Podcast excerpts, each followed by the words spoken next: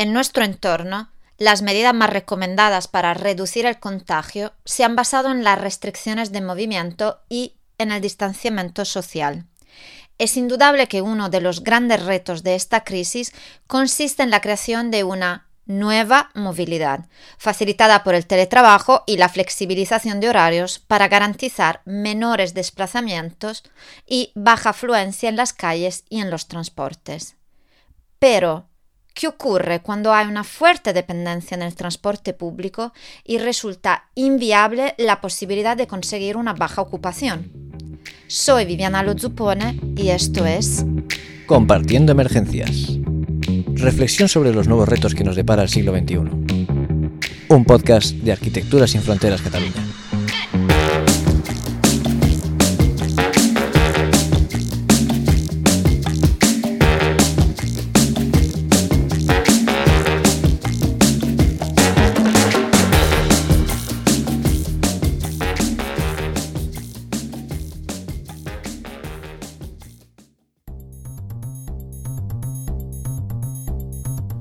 Hoy hablaremos con Joaquín Romero de Tejada desde Mozambique sobre la movilidad en Maputo y los retos que está suponiendo la COVID-19.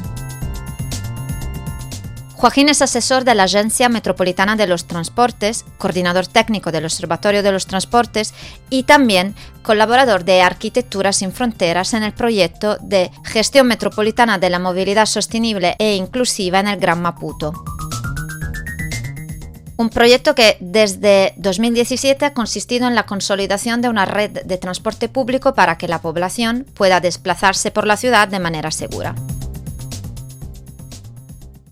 La movilidad no se reduce al mero hecho de desplazarse entre dos puntos, sino que es un concepto mucho más amplio que tiene que ver con el acceso de las personas a los bienes, servicios, actividades y oportunidades. Joaquín, ¿nos podrías contar cómo se vive la movilidad en Mozambique?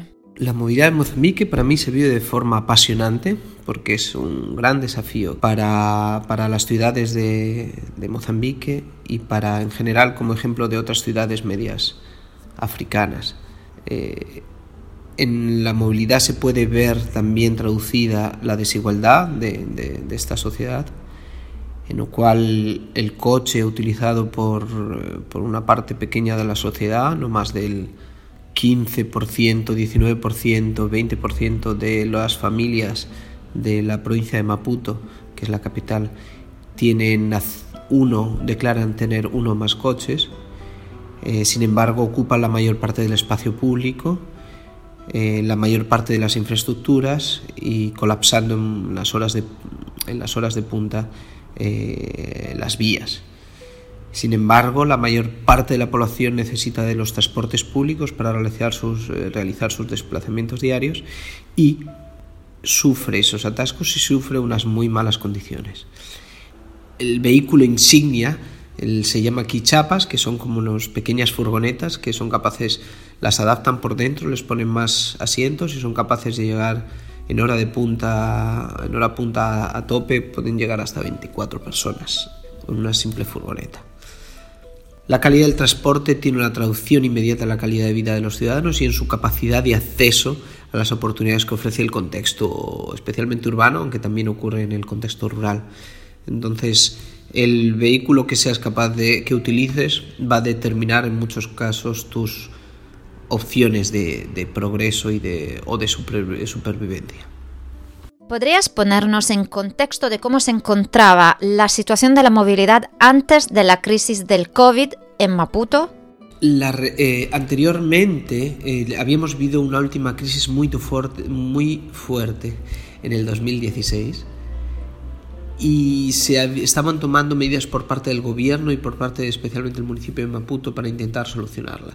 La crisis en parte estructuralmente viene porque ahí eh, la palpamos por una mayor diferencia entre un gran volumen de, procura, es decir, de gente intentando transportarse diariamente, de hacer su SEO commuting, y, eh, o otras necesidades, otros transportes, y de un número bajo de vehículos y de tipos de transportes que puedan dar respuesta a esa demanda.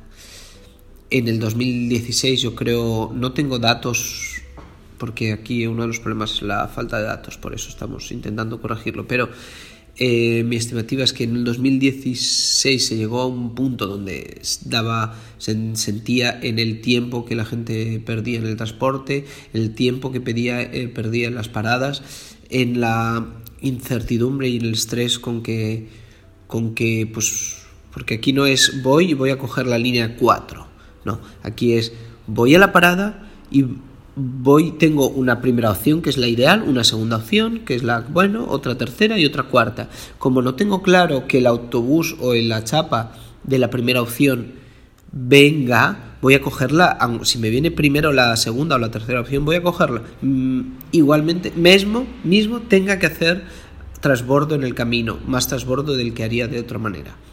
Entonces, todo esto crea una incertidumbre que que, da estrés a la vida diaria, ¿no es? Entonces, eso estaba en el 2016 y poco a poco, gracias a ciertas medidas del gobierno, gracias a la introducción en el 2018 comenzó la Agencia Metropolitana de Transportes de Maputo, a la compra de autobuses por parte del gobierno, que en, estos cuatro años ha colocado unos casi 400 autobuses, eh, que han sido gestionados por operadores que venían de las chapas, se han logrado organizar para gestionar estos autobuses en cooperativas. Yo creo que en el Gran Maputo, que el área metropolitana de Maputo, se estaba empezando a solucionar parte y disminuir esos impactos negativos que la población estaba teniendo.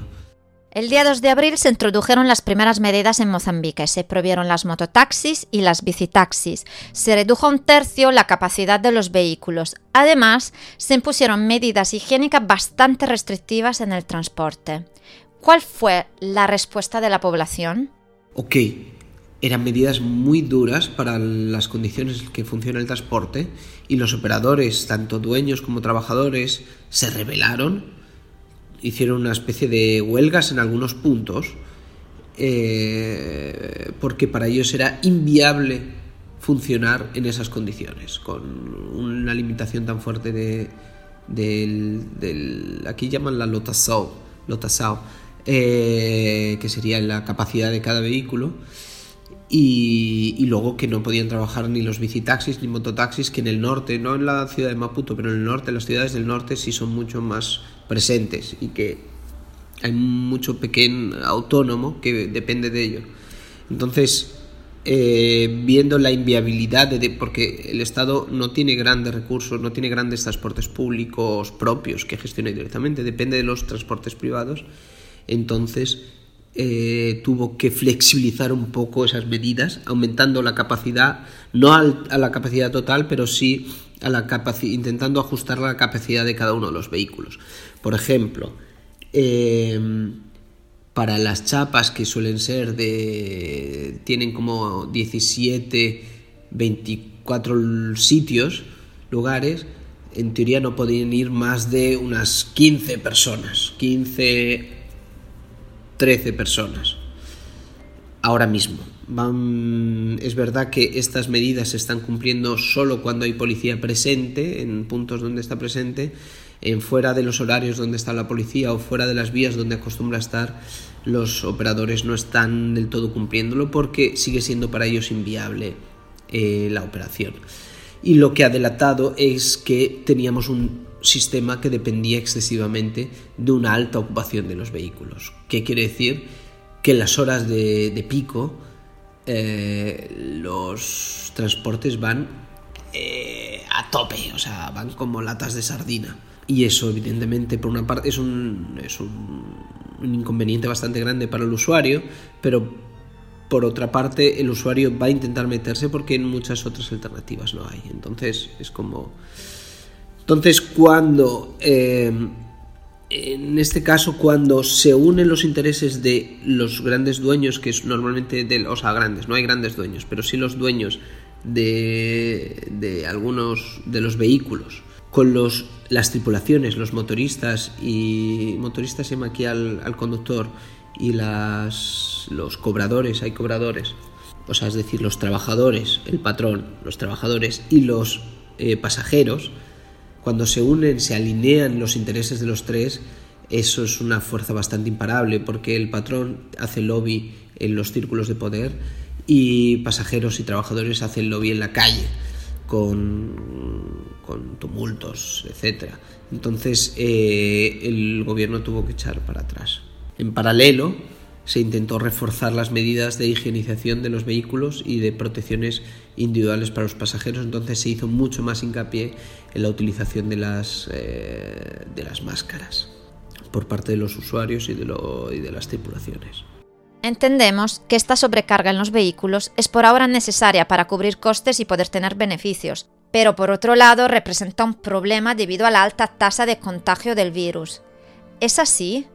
Eh, mismo el contexto de los transportes es un espacio crítico para la potencial disminución de los, del virus, es todavía fundamental para la mayor parte de la población. Afortunadamente Mozambique, por sus diversas características sociales y ambientales, el contagio del virus por ahora está yendo despacio. Espero, esperemos que continúe de esta forma, pero en casi dos meses desde que estamos de estado de, excepción, de emergencia, eh, por ahora se han identificado 250 casos y no se ha llegado a un contagio comunitario. Entonces los casos todavía son rastreables.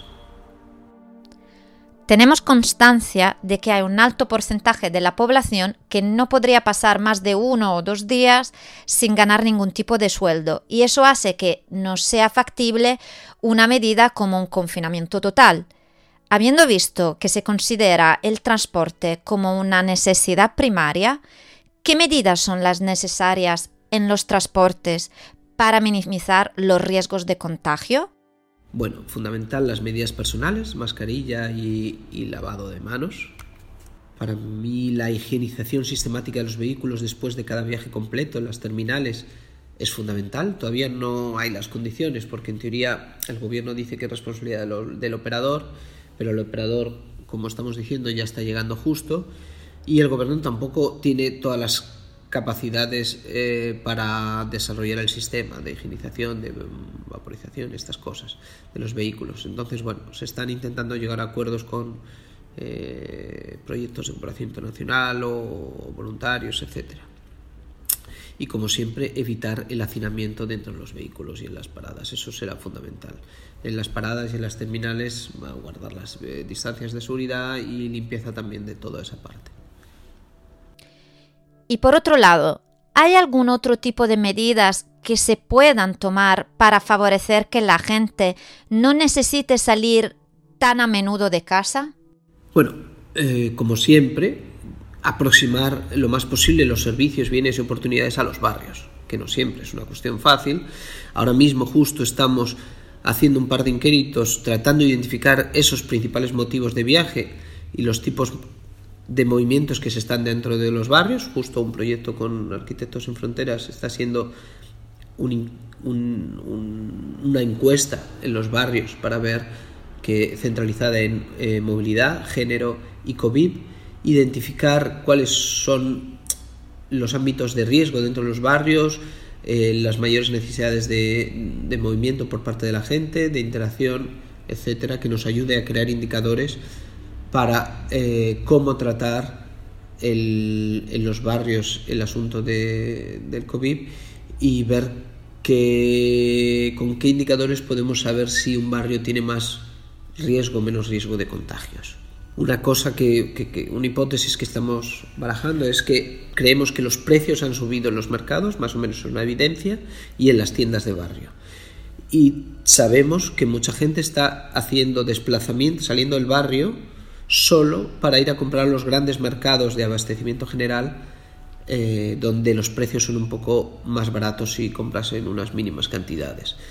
Pues eh, cómo solucionar este asunto es un gran desafío porque está, incluye mucho movimiento, pero por otra es una cuestión estructural de precios que compete al gobierno resolverlo y que no es fácil. Para terminar, háblanos un poco de ¿Qué conclusiones sacáis de esta situación?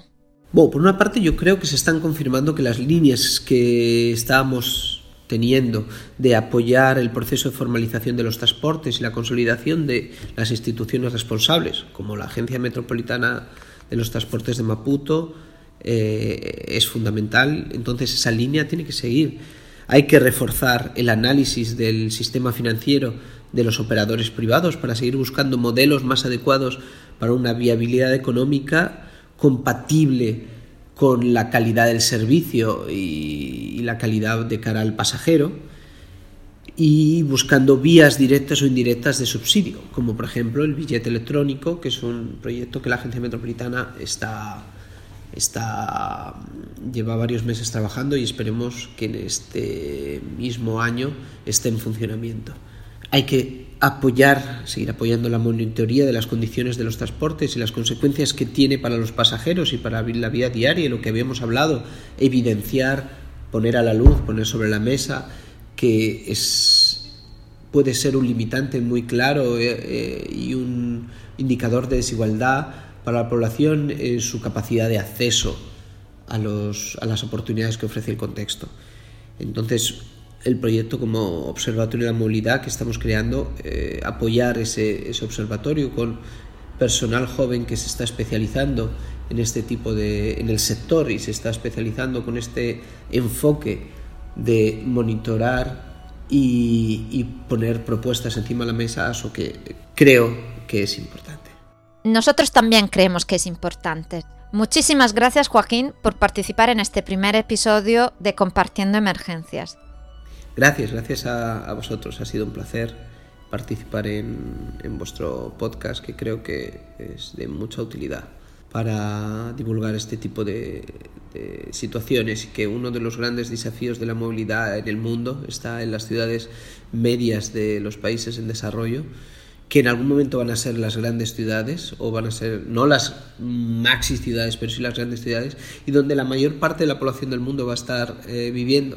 Entonces, si resolvemos eh, estas ecuaciones aquí en estas ciudades, modelos sostenibles de transporte y de movilidad, de utilización del espacio público, de accesibilidad, yo creo, para mí eso es uno de los grandes desafíos que hay ahora mismo a nivel global. Gracias. Gracias de nuevo, Joaquín.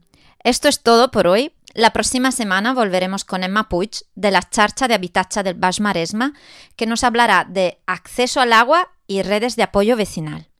Pero antes de acabar, queremos recordaros que podéis seguir el podcast desde nuestra web o desde Spotify, Evox y iTunes. Y si tenéis sugerencias o comentarios, los podéis dirigir a nuestro correo asfcatcomunicació.org o a través de nuestras redes sociales. Este episodio ha sido posible gracias al voluntariado de Arquitectura Sin Frontera Cataluña y a la colaboración de Joaquín Romero de Tejada. Gracias por escucharnos. Hasta la semana que viene.